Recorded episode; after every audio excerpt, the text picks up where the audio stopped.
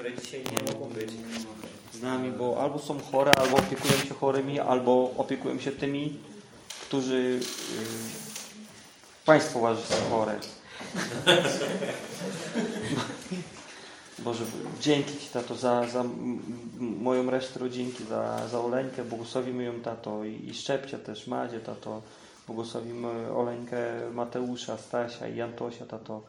Dianę z Tomkiem, Le, Amelę, Nelę małą, Tato. Paulinkę razem z Mateuszkiem, Tato. Te chorowitki nasze wszystkie, Asieńkę, Tato. I, i błogosławimy Alenkę, Tato. I błogosławimy Nadię, Tato. Jonatana, Alana, Śpiocha. Napisał mi Alan, że przepraszam, co mną nie spał.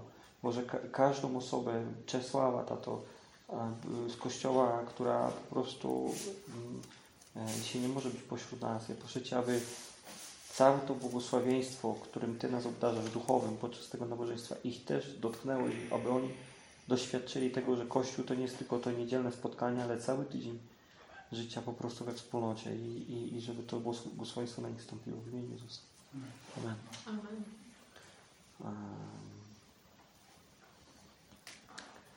Więc wszystko będzie się kręciło wokół jednego pytania.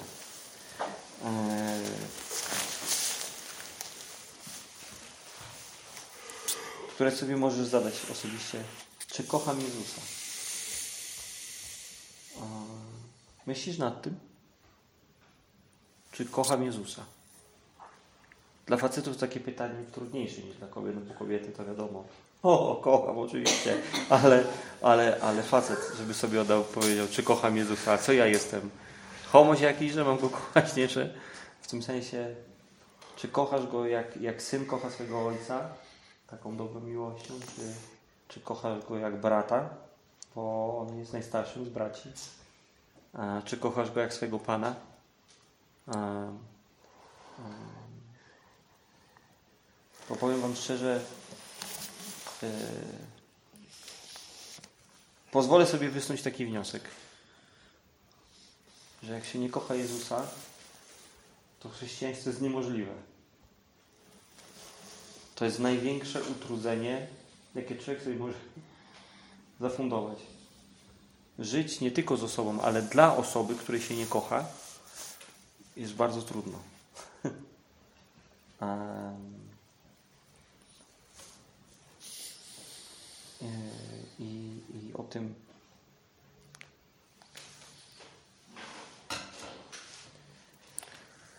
Pierwszy Piotra, pamiętacie, czytaliśmy ostatnio i też na męskim temat poruszyliśmy, to Wam pokażę. Pierwszy Piotra, pierwszy rozdział.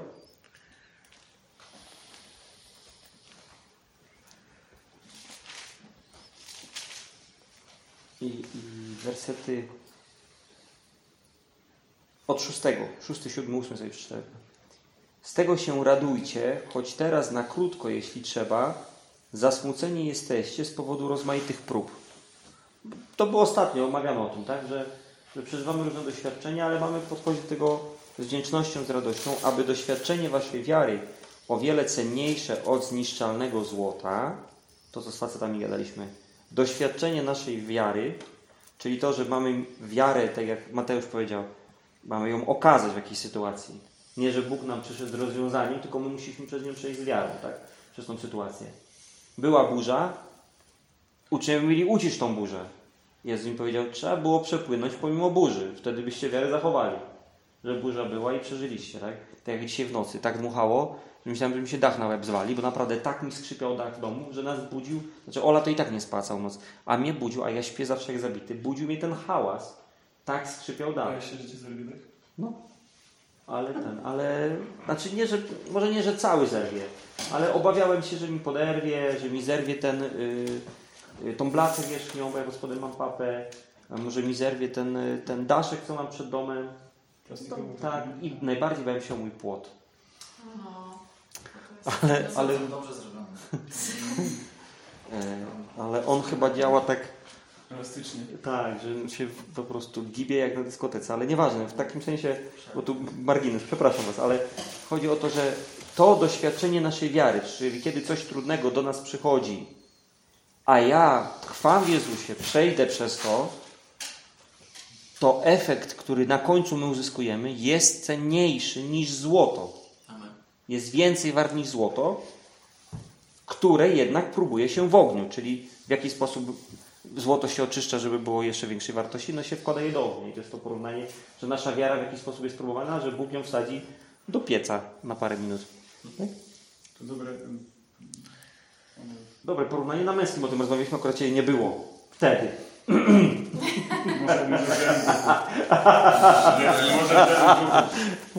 E, okazało się ku chwale i czci i sławie przy objawieniu Jezusa Chrystusa. Amen. Najważniejsze zdanie tego pierwszego półrocza tego roku. Wszystko robimy dla chwały Bożej. Wszystko.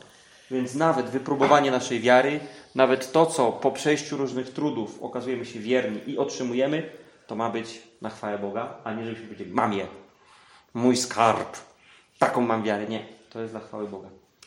I teraz najważniejsze jest na dzisiaj, tak? A choć go nie widzieliście, czytamy dalej ósmy werset, miłujecie. I w niego, choć teraz go nie widzieliście, wierzycie i cieszycie się radością niewysłowioną i pełnią chwały. Zobaczcie, pierwszy kościół, dla nich to było normalne, że Piotr ich nie zachęcał do miłowania Jezusa. On im powiedział, chociaż nie widzieliście Jezusa, wy go miłujecie. Kochacie, no miłujecie to takie staropolskie. Kochacie go, tam jest to słowo agapa użyte. Tam bezinteresowna miłość do Boga. Nie widzicie, a kochacie. I a, wiecie, że nasi bracia, którzy cierpią prześladowania, którzy cierpieli prześladowania, dzisiaj już a, y, są w niebie, oni od tego miejsca wychodzili. Kościół, y, do którego pisze Piotr na tamtych, w tamtych czasach, on był pod uciskiem, był prześladowany albo jawnie przez państwo, albo przez, najbardziej był prześladowany przez Żydów. To on, jakby chrześcijanie byli największymi wrogami o, Żydów. Do tego stopnia, że oni płacili, o czym znajdziemy w Biblii, płacili pieniądze, żeby na temat chrześcijan były opowiadane kłamstwa i nieprawda. Jak zapłacili, żeby było skłamane, że Jezus został ukradziony z grobu, a nie zmartwychwstał na przykład. Tak? Oni rozsiewali informacje, że składają dzieci w ofierze, że yy, nawet wam powiem, wiecie, przez Żydów była rozpropagowana i sponsorowana propaganda, że chrześcijanie to są ludzie, którzy czczą yy, genitalia Jezusa. Naprawdę.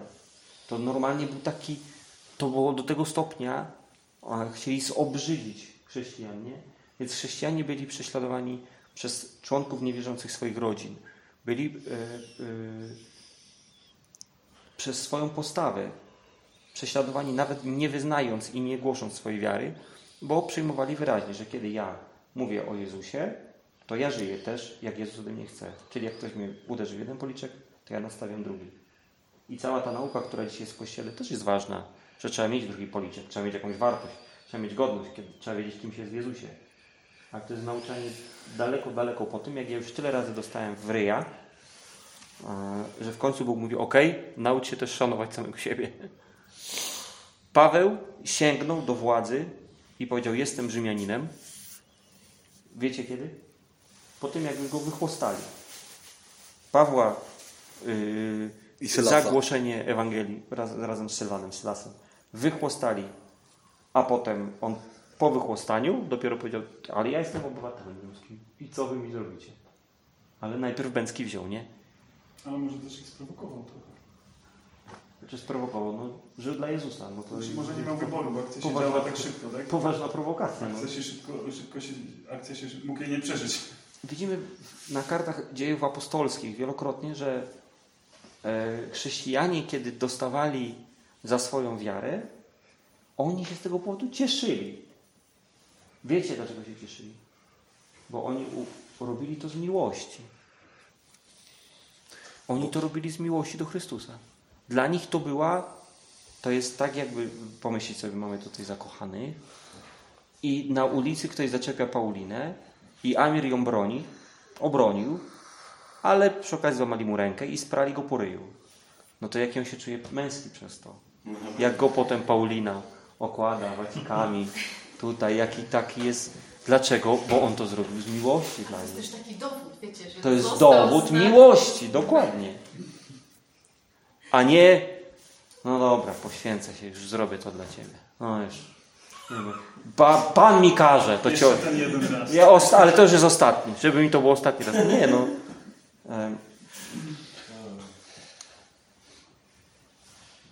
Oni od tego wychodzili. Dlatego Piotr pisze, nie boi się do nich pisać. A choć go nie widzieliście, miłujecie. Wy kochacie Jezusa, więc wam mówię, radujcie się z waszych prześladowań.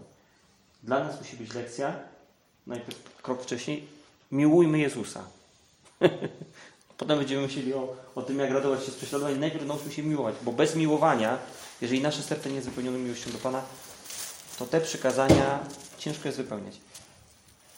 Przeczytam Wam historię z 2012 roku, fragmenty prześladowanego e, człowieka za wiarę. To jest na koniec 2012 roku. Gościu nazywał się Adamu. O godzinie 23 obudził mnie łobot drzwi. Jacyś mężczyźni uderzyli kolbami karabinów, krzycząc, że są żołnierzami. Habilla, tak się nazywał ten gościu, wiedział, iż kłamią. Mimo tego postanowił otworzyć i wyjść na zewnątrz. Na progu stali czterej zamaskowani islamiści z sekty terrorystycznej Boko Haram. Przyszli do jego domu, ponieważ powszechne było wiadomo, że zarówno Adamu, jak i jego rodzina to chrześcijanie. Bojówkarze stwierdzili, że wykonują dzieło Allaha. Ich celem było nawrócenie Halibu na islam. Zresztą nie tylko jego. Tego wieczoru wkroczyli bowiem do wszystkich gospodarstw w miejscowości w stanie Jobe, to jest północny stan w Nigerii, w którym wprowadzano prawo szariatu, gdzie mieszkali chrześcijanie. Islamiści zmusili całą rodzinę do wyjścia przed dom. Wtedy lider Boko Haram zapytał Adamu, czy przyjmie islam. Odmówił, wyjaśniając, iż nie może tego zrobić, bo wierzy w Chrystusa. Wówczas terroryści zadali mu pytanie: Haliba, czy jesteś gotowy na śmierć jako chrześcijanin? Odpowiedział tak, jestem gotowy na śmierć jako chrześcijanin. Terrorysta ponownie zapytał: Czy jesteś gotowy na śmierć jako chrześcijanin, Adamu? Odrzekł: Tak, jestem. Wówczas lider islamistów przyłożył mu do twarzy karabin AK-47 i wystrzelił. Wszystko działo się na oczach jego żony i sześcioletniego synka. Tej nocy w miejscowości Potiskum zginęli wszyscy chrześcijańscy mężczyźni. Zamordowano wówczas 14 wyznawców Chrystusa. Habilla jednak przeżył. Długo leżał w kałuży krwi. Słyszał rozpaczającą żonę, ale nie był w stanie zareagować. Nagle synek powiedział do matki: Mój tata żyje. Żona wezwała pomoc medyczną. W drodze do szpitala kierowca cały czas pytał: To jest 2012, słuchajcie, nie mówimy o Cesarstwie Rzymskim. Mm, Do placówki medycznej trafił dopiero o 7 rano. Szybko transportowano go do Jos. Lekarze bezradnie rozkładali ręce, nie dając e, większych szans na przeżycie. Tymczasem on, wbrew logice wiedzy medycznej, wciąż żył. Mu w twarz strzelił, żebyście wiedzieli, tak? No Dlatego postanowił, e, odes, postanowiono odesłać go do szpitala w Kano, gdzie miał przejść skomplikowaną operację. Niestety musiał czekać, bo pierwszeństwo w dostępie do pomocy mieli muzułmanie. Przykro mi, ale muszę najpierw pomóc moim braciom w wierze, usłyszał Adamu. On natomiast swoje e, cierpienia ofiarował Bogu. To na chwałę Bożą mówił. Rozumiecie? Do tego stopnia. I ostatecznie Bóg go tego, tego gościa Bóg uzdrowił w nadprzyrodzony sposób. Jemu przestrzeliła kula w nos, przestrzeliła mu nos i w czaszce skręciła i wypadła bokiem. Ale na koniec mówi taką rzecz. Co byś zrobił, gdybyś spotkał swoich oprawców? To pytanie słyszy Habila niemal podczas każdego spotkania i odpowiada: Modlę się, aby Bóg im wybaczył i otworzył ich oczy. Wybaczenie jest jedyną odpowiedzią, także z mojej strony, bo Jezus powiedział: Miłujcie waszych nieprzyjaciół i módlcie się za tych, którzy was prześladują. To jest, słuchajcie, e,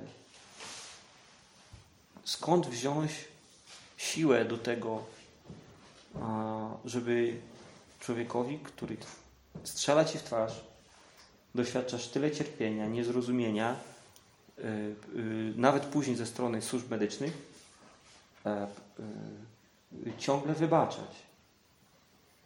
E, No, moim zdaniem to wynika z miłości.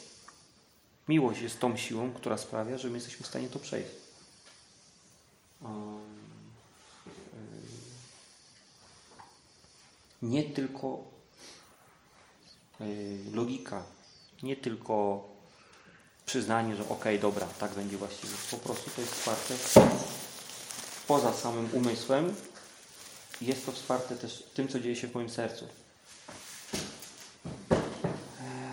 Jezus mówi, kto ma moje przykazania i zachowuje je, ten mnie miłuje, a kto mnie miłuje, będę go też miłował mój Ojciec i ja go będę miłował i objawię mu samego siebie. To jest Jana 14:21. Jeszcze raz słuchajcie. Kto ma moje przykazania? Mamy. To my. Kto ma moje przykazania? Wszyscy powiedzieli ja. I zachowuje je, czyli pilnuje się tego, co tu jest napisane, ten mnie miłuje.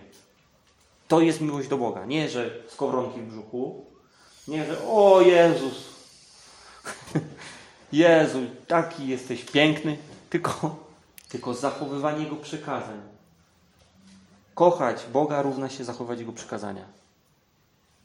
Być wiernym Jemu, to znaczy być wiernym Jego przykazaniom.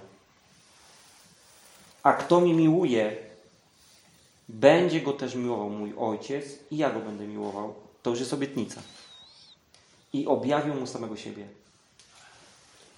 Czyli mamy tutaj i zachętę, i obietnicę. Po pierwsze, zachęta. Mam wypełniać przykazania. I obietnica, że jak ja wypełniam te przykazania, to mogę liczyć na to, że Bóg mi się objawi. Potrzebujesz, żeby Bóg się objawił w swoim życiu? Chcesz bliskości Jezusa? Wypełnij Jego przykazania.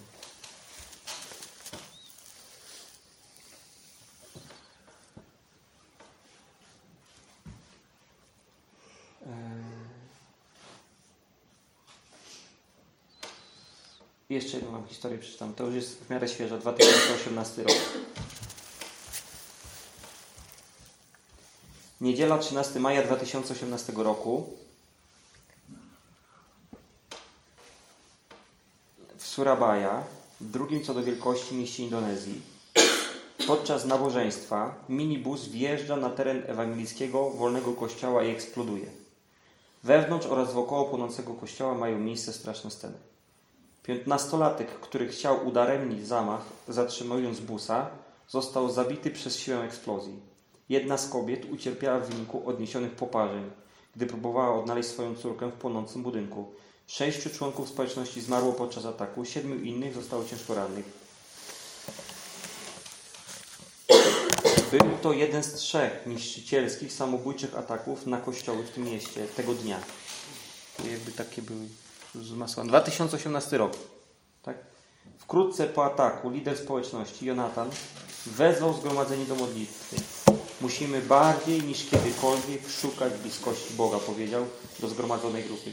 W najbliższą niedzielę Kościół zbierze się pod plandeką na parkingu, aby wspólnie oddawać cześć Bogu. Nie wolno nam poddawać się strachowi. Musimy bardziej niż kiedykolwiek szukać bliskości Boga. To jest sposób na przechodzenie trudów. Nie unikanie trudów. Nie unikanie trudów, bo unikanie trudów to jest unikanie doświadczenia naszej wiary i to jest unikanie bycia wierzącym człowiekiem.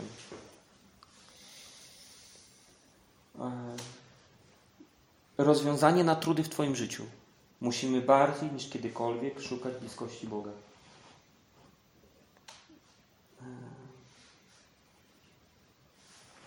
Kiedy kogoś kochasz, naturalnie ty się odsuwasz w cień. To jest normalne, że kiedy decyduje się pójść za czymś, co dzieje się w moim wnętrzu, tak? Może to zainicjowały uczucia, może zainicjował to zdrowy rozsądek, ale ani uczucia, ani zdrowy rozsądek to nie jest miłość. Miłość znajduje się w sercu, to jest decyzja. De serce w tym sensie, ja nie mówię zestaw emocji, tak? Bije na czerwono na walentynki, zaraz niedługo będą walentynki tylko serce, czyli najgłębsze miejsce mojego podjęcia decyzji. Mój duch, chciałbym nawet powiedzieć. Z tego miejsca wypływa decyzja o miłości. Kiedy naprawdę kogoś kochasz, odsuwasz się w cień. Rezygnujesz z siebie dla miłości tej drugiej osoby. Kiedy emocji jest dużo, to jest łatwo zrobić, tak? Ja pamiętam kiedyś nawet babcię moją oszukałem, bo byłem tak zauroczony koleżanką z klasy, że chciałem jej dać w prezencie w podstawówce taką tą, jak się nazywa, bandankę. Kojarzycie taką, takie czerwone takie chustki, co ci rock'n'rollowcy noszą. Czy tam, czy co na motorach jeżdżą. I ja wiedziałem, że jej się taka podoba, więc powiedziałem, skłamałem moją babcię, że mam dług w bibliotece, bo długo książki nie oddałem. Babcia mi dała na to pieniądze, a ja poszedłem na rynek koło Batorego na Widzewie i kupiłem mojej koleżance, daj mi w prezent. Ale ona była zdziwiona, co ja, co ja robię. To, yy, to była na tamten czas, no może jakaś rodzaj miłości, tak, ale, powodowana uczuciami, ale ona nie kalkulowała. Ja w swoim życiu yy, wiele razy kłamałem, ale na pieniądze oszukałem, żeby ukraść coś, czy żeby zrobić jakiegoś machoria na pieniądze, to zrobiłem to tak mało razy, że właśnie to jest jedna z tych nielicznych właśnie z moją babcią. Ja to pamiętam do końca życia. Pamiętam jak ukradłem samochodzik w przedszkolu i pamiętam jak koledze czapkę ukradłem, bo myślałem, że to jest moja. A oddałeś? Nie właśnie, i to była kradzież. Bo miał taką samą i ja... Big Stara. Ja byłem pewien, że to jest moja, ale że, że mi ukradł. Więc ja mu też ukradłem, ale dwa tygodnie później znalazł się mój worek, który zgubiłem i w środku była czapka. Ale już mi było wstyd i to już był grzech, ale pokutowałem. Bóg mnie oczyścił. Miałem dwie czapki. No, ale wiecie, rezygnujesz z samego siebie. Kiedy prowadzi to miłość, nie wyłącza się myślenie o kalkulacji. Ja po prostu, ok, decyduję, tak zrobię, bo mną kieruje miłość. E, e, I znów to pytanie, czy, czy kochasz Jezusa? Czy ja naprawdę kocham Jezusa? Czy mną kieruje miłość do Jezusa? Kiedy ja postępuję, kiedy przechodzę przez różne rzeczy. Nie, nie ma w tym nic złego, jeżeli kieruje Tobą miłość. Może być, że samej miłości nie wystarczy, ale, jak ona jest, to już masz bardzo dużo.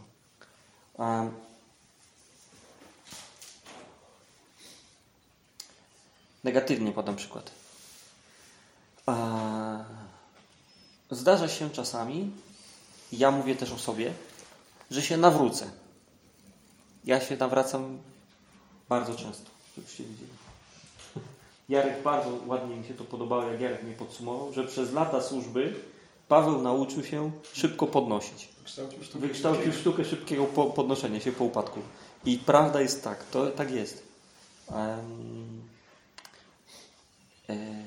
czasami się nawrócę dobrze i w moim sercu rozpala się na nowo miłość do Boga. Czasami ja się nawrócę tylko na poziomie tutaj, coś, co się dzieje w mojej głowie. Że to jest złe, tak nie wolno, ja tak nie będę robił. Koniec, szluz. I potem przemieniam się w nieznośnego nawróconego. Jest taka, jest taka, e, jest taka e, postać człowieka, który udaje nawróconego, a tak naprawdę nie jest. To się nazywa nieznośny nawrócony. Pastor opowiadał nam kiedyś historię takiego gościa, do którego y, Bóg przyszedł, kiedy był y, na odwyku alkoholowym, tak? I gościu zostawił alkohol, przestał pić i potem y, po iluś tygodniach przyszła żona tego alkoholika byłego do jeszcze wtedy księdza Jarka i mówi, proszę księdza, ja wolałam jak on pił. Nie mogę go znieść, nie, nie mogę go wytrzymać. Dlaczego go nie może wytrzymać? Bo on miał właśnie te cechy nieznośnego nawrócenia, czyli wyniosłość, arogancja, przemądrzalstwo, powierzchowność i prostactwo. To są największe grzechy świata. Prostactwo. Prostolinijność jest super. Proste myślenie jest super. Ale prostactwo to jest grzech ciężki. Trzeba, trzeba go pokutować. Ale wyniosłość, arogancja, właśnie takie przemądrzalstwo. O, bo ja już jestem wierzący, bo ja już się nawróciłem, bo ja już wiem najlepiej. Nie, Ale słuchaj, ile się nawróciłeś? Ja się wczoraj nawróciłem. Ja, ale ja mam takie regularne życie modlitewne. Znaczy jakie? No pomodliłem się wczoraj wieczorem i dzisiaj od rana. Wiesz, no to... Yy. Z- Nie wiem, czy wy w swoim życiu macie takie momenty. Ja mam nieznośnego nawrócenia i wtedy ze mnie wychodzi jakaś taka kreatura, która, no nie wiem, potrafi być tak arogancka i nie miała w stosunku do mojej rodziny. Nie przeszkadza mi, ja się teraz modlę. Yy, albo Biblię teraz czytam. Czy nie będzie spokoju w tym domu? i się drę na dzieci, nie? Jakby, nie wiem, Jakby Pan, jakby, Pan Bóg, jakby Pan Bóg dzieci chciał stworzyć, żeby nie hałasowały, to by zaczęły mówić dopiero po 15 roku życia, nie? No, coś nie mówi. e, Czyli, że dziecko szczęśliwe to dziecko, dziecko brudne, yy, hałaśliwe i coś tam jeszcze, nie? I głośne. Na żarty cukru. Brak słuchania, obrażanie innych, krzyk i pogarda. To jest przykład ludzi nieznośnych po nawróceniu. Nie możemy być nieznośni po nawróceniu. Wiecie o czym ja mówię? Kojarzycie jakby ten, ten stan? Jana, pierwszy rozdział, czwarty, czwarty rozdział, pierwszy list Jana, czwarty rozdział, dziewiętnasty werset. Udało mi się. My go miłujemy, ponieważ on pierwszy nas umiłował. Jeśli ktoś mówi, miłuję Boga, a nienawidzi swego brata, jest kłamcą. Kto bowiem nie miłuje swego brata, którego widzi, jak może miłować Boga, którego nie widzi? Jeszcze raz. Zobaczcie, jak to się zgadza z tym, co mówię. My go miłujemy, ponieważ on pierwszy nas umiłował. Tu zaraz będzie lekcja z tego, ale my go miłujemy. To jest normalne. My kochamy naszego Boga. My kochamy Jezusa. Nie tylko robię to, bo, bo Jezus jest w niebie, jest Bogiem i Panem. Ja Go kocham, ja to robię, bo Go kocham. Jeśli mówię, kocham Go, a nienawidzę swojego brata, daj mi spokój, ja tu się teraz modlę, nie przeszkadzaj mi, Biblię czytam. A Ty kiedy czytałeś Biblię prostaku ostatnim razem, nie?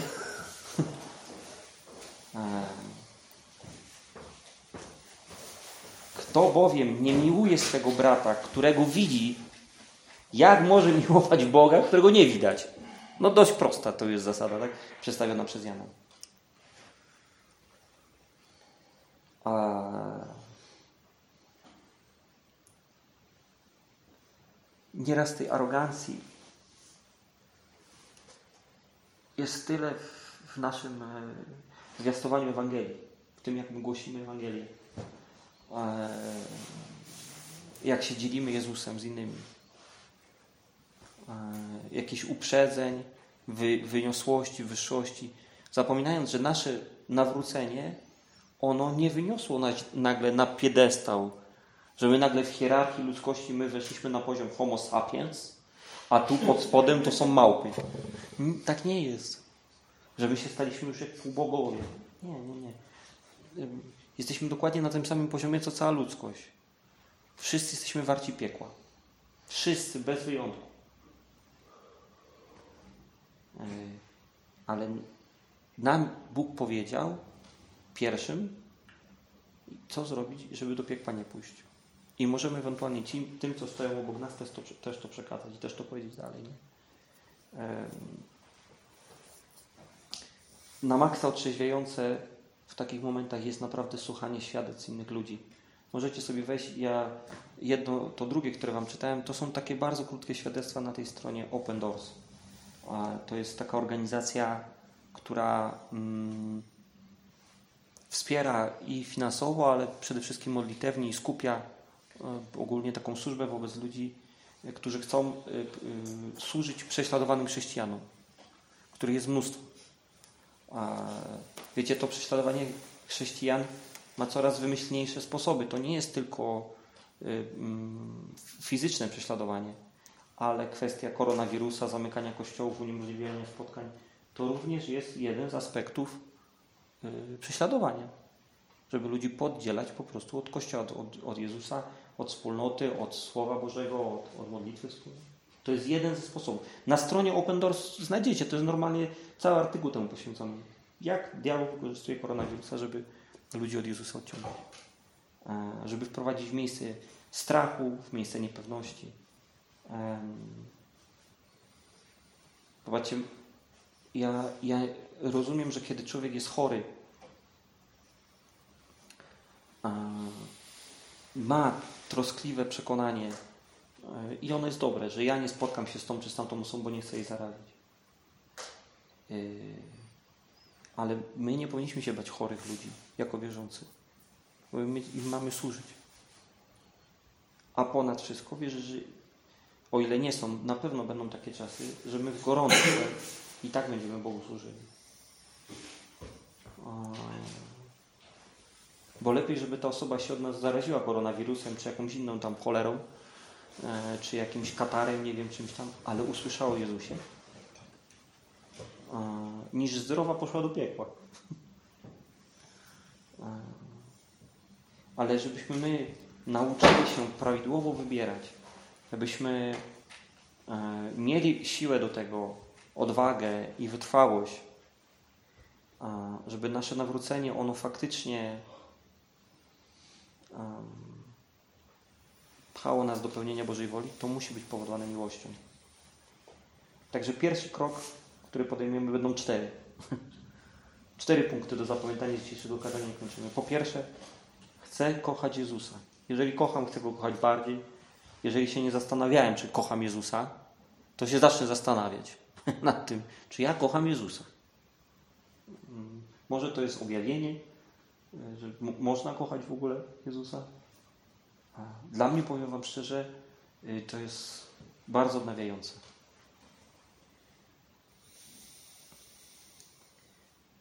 Punkt numer dwa. No, jak kochać tego Jezusa? Już Wam powiedziałem. Wypełniam Jego przykazania.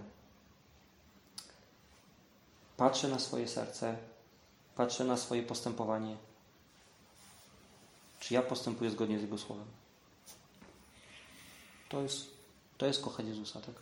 Jeżeli chcesz kochać Jezusa, yy, to musisz to zrobić. Bo inaczej ciągle zostaniesz na punkcie pierwszym, tak? Czyli ja z czterech Paweł wypełniłem punkt pierwszy. Chcę kochać Jezusa. Ale kochasz? Nie, nie, nie, nie. Ja chcę kochać Jezusa. Aha, no dobra. No to, to znaczy, że chcesz chcieć kochać Jezusa. Ale nie, my mówimy, żeby Go naprawdę kochać. Jeżeli naprawdę chcę kochać Jezusa, to ja muszę wypełnić Jego przykazania w swoim życiu. W tym zakresie, który mogę zrobić. W tym, w tym małym poletku, które mi przychodzi uprawiać. Numer trzy.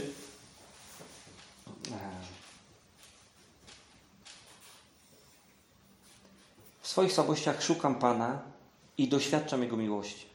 Czyli przychodzą takie rzeczy w Twoim życiu, które jest, z których jest trudniej zrezygnować. No, są rzeczy, z których zrezygnować jest w miarę prosto. Okej, okay, dobra. Dość oglądania Netflixa. Stwierdzam, to jest to. Ja poświęciłem w tym tygodniu na czytanie Biblii 15 minut, a na Netflixa poświęciłem 15 godzin. Jest pewna dysproporcja, tak, w moim życiu. Czyli przestaję oglądać Netflixa. No dobra, zrezygnuję z tego, bo ja i tak widzę, że to zżera moje życie. Ale muszę poświęcać Panu więcej czasu na modlitwę. A w moim życiu są obowiązki, które, na które się zdeklarowałem i wierzę, że się też mieszczą w Bożym planie dla mojego życia. To jeżeli ja mam się modlić więcej, to muszę wstać wcześniej. Czyli nastawiam sobie budzik 30 minut wcześniej. To jest bardzo trudno zrobić. To już jest bardzo, bardzo trudno zrobić. Bo ja nie mam w życiu miejsca na modlitwę. Ok, to wstaję wcześniej. Bo chcę. To jest bardzo trudne. I wtedy to jest moja słabość, tak?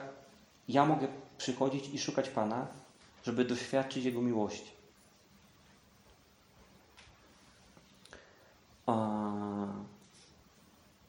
żeby mm, zobaczyć, przez parę razy się przełamać nawet. Ja na te poranne modlitwy się obudzę i pomodlę, dlatego że prosić, mówić, Boże, ja potrzebuję doświadczyć tego, że Ty mnie kochasz.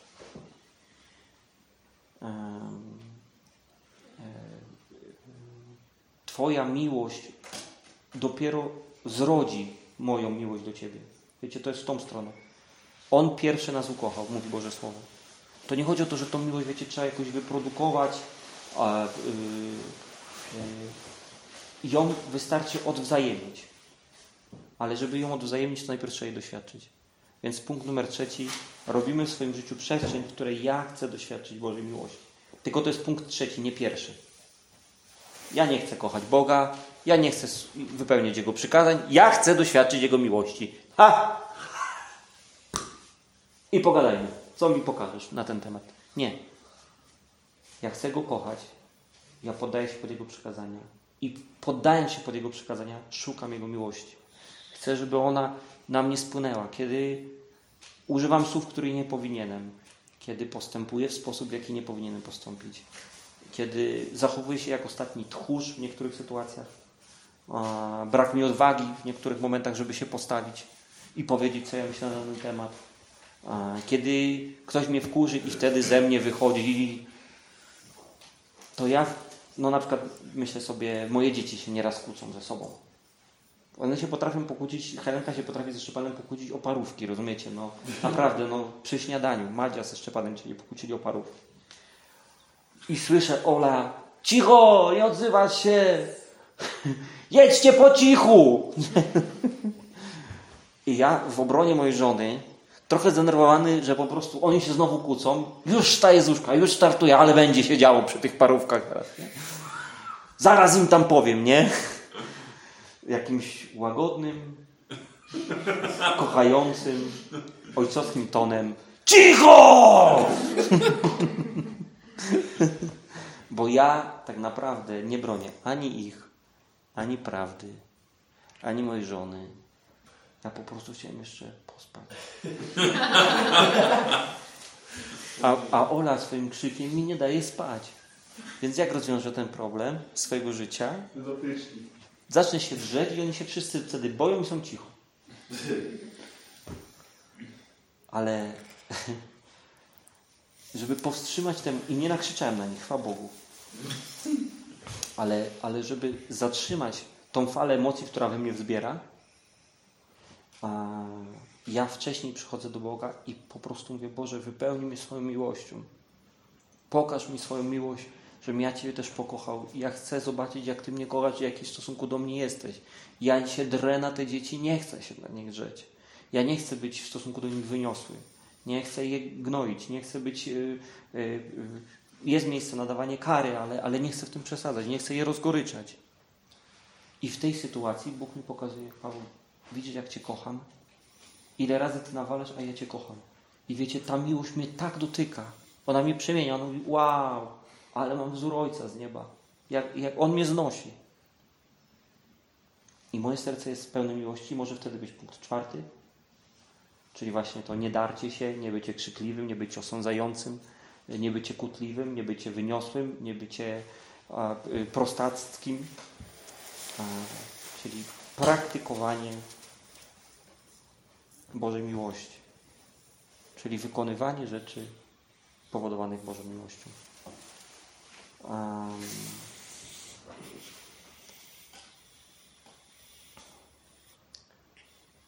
to wychodzi od miejsca Twojej słabości. Dlatego Paweł pisze: Tam, gdzie jestem słaby, tam jestem mocny. Tam się okazuje chwała Boża, że Bóg wziął nasze słabości. To nie chodzi o to, że teraz Bóg weźmie człowieka, który najgorzej śpiewa w kościele, nie potrafi grać na pianinie i posadzi go, żeby prowadził uwielbienie.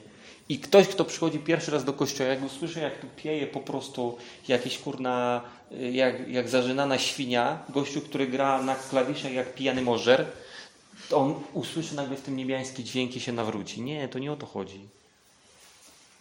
Po prostu Bóg bierze człowieka, który ma pewne słabości w swoim życiu, albo gdzieś jest niedoskonały, ale przychodzi z tym do Boga i Bóg mówi, ja napełnię to swoją miłością i Ty wypełniony mną zrobisz tak, że innych to poruszy. I to będzie jakościowe, o milion razy lepsze, niż człowiek utalentowany by to zrobił. To o to chodzi, a nie, że teraz Bóg weźmie największe fajtłapy i po prostu będzie tymi fajtłapami, swoim fajtłapstwem. Fajtłapa to taka ciamajda pierdoł, jak powiedzieć, a, fajtłapa. Unskilled. A, a, un- unskilled person.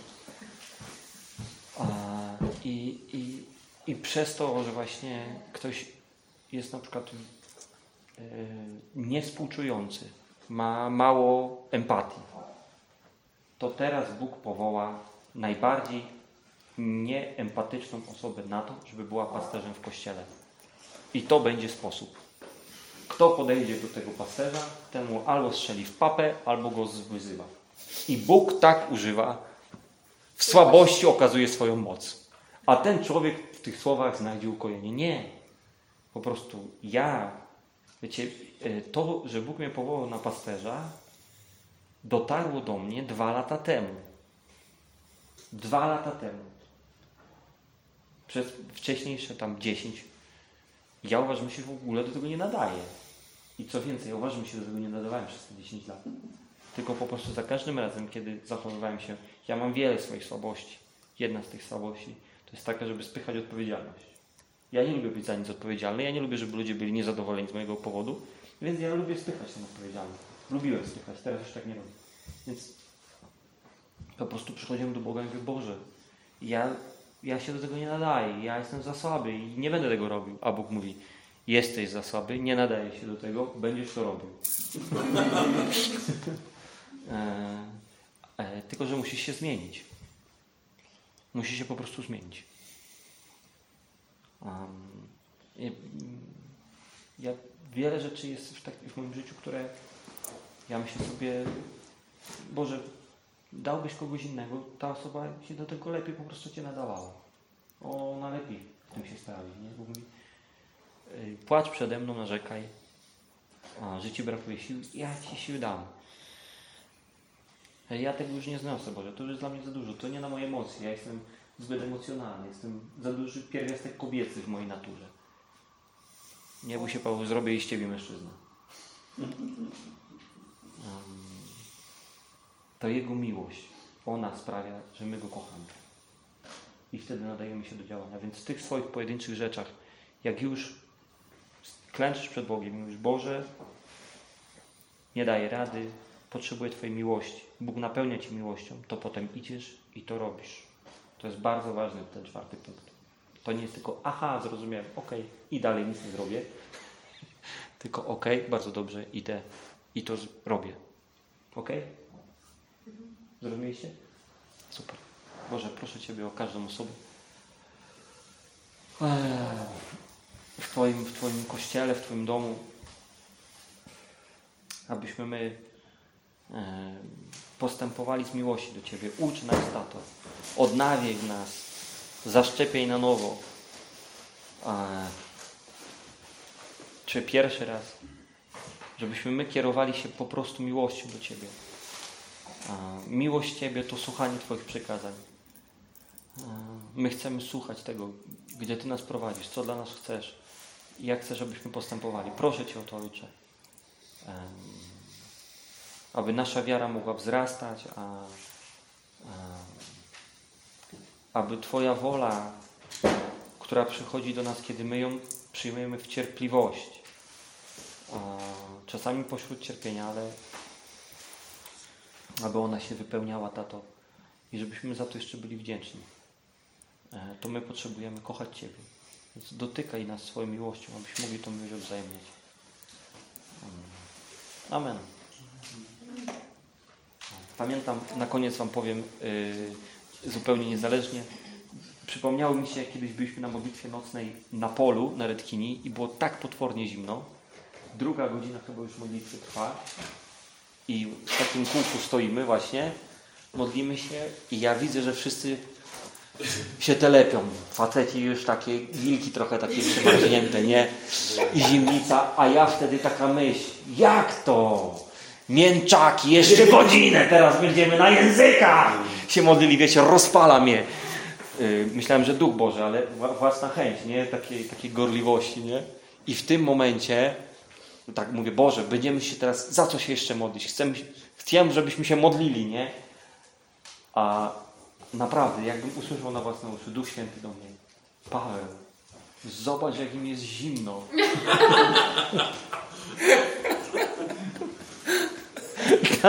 Naprawdę. Szczerze, ja, wiecie, to, to było jeden z tych momentów, kiedy Bóg po prostu, On, um, mnie wydaje się, że ja staram się z wielką gorliwością coś robić. A Bóg mi pokazuje, bądź gorliwy w kochaniu ludzi. I przez takie sytuacje, ja naprawdę naturalnie tak nie miałem. Przez takie sytuacje Bóg zmiękcza nasze serce. Bo ja sobie przez to nie myślę tylko, że im jest zimno. Bóg też widzi, że ja zamarzam. Ale jakoś w postawie, że jako lider, to ja powinienem udawać, że mnie, zimno mnie nie dotyka. Ja jestem termicznie obojętny, jestem jak ryba.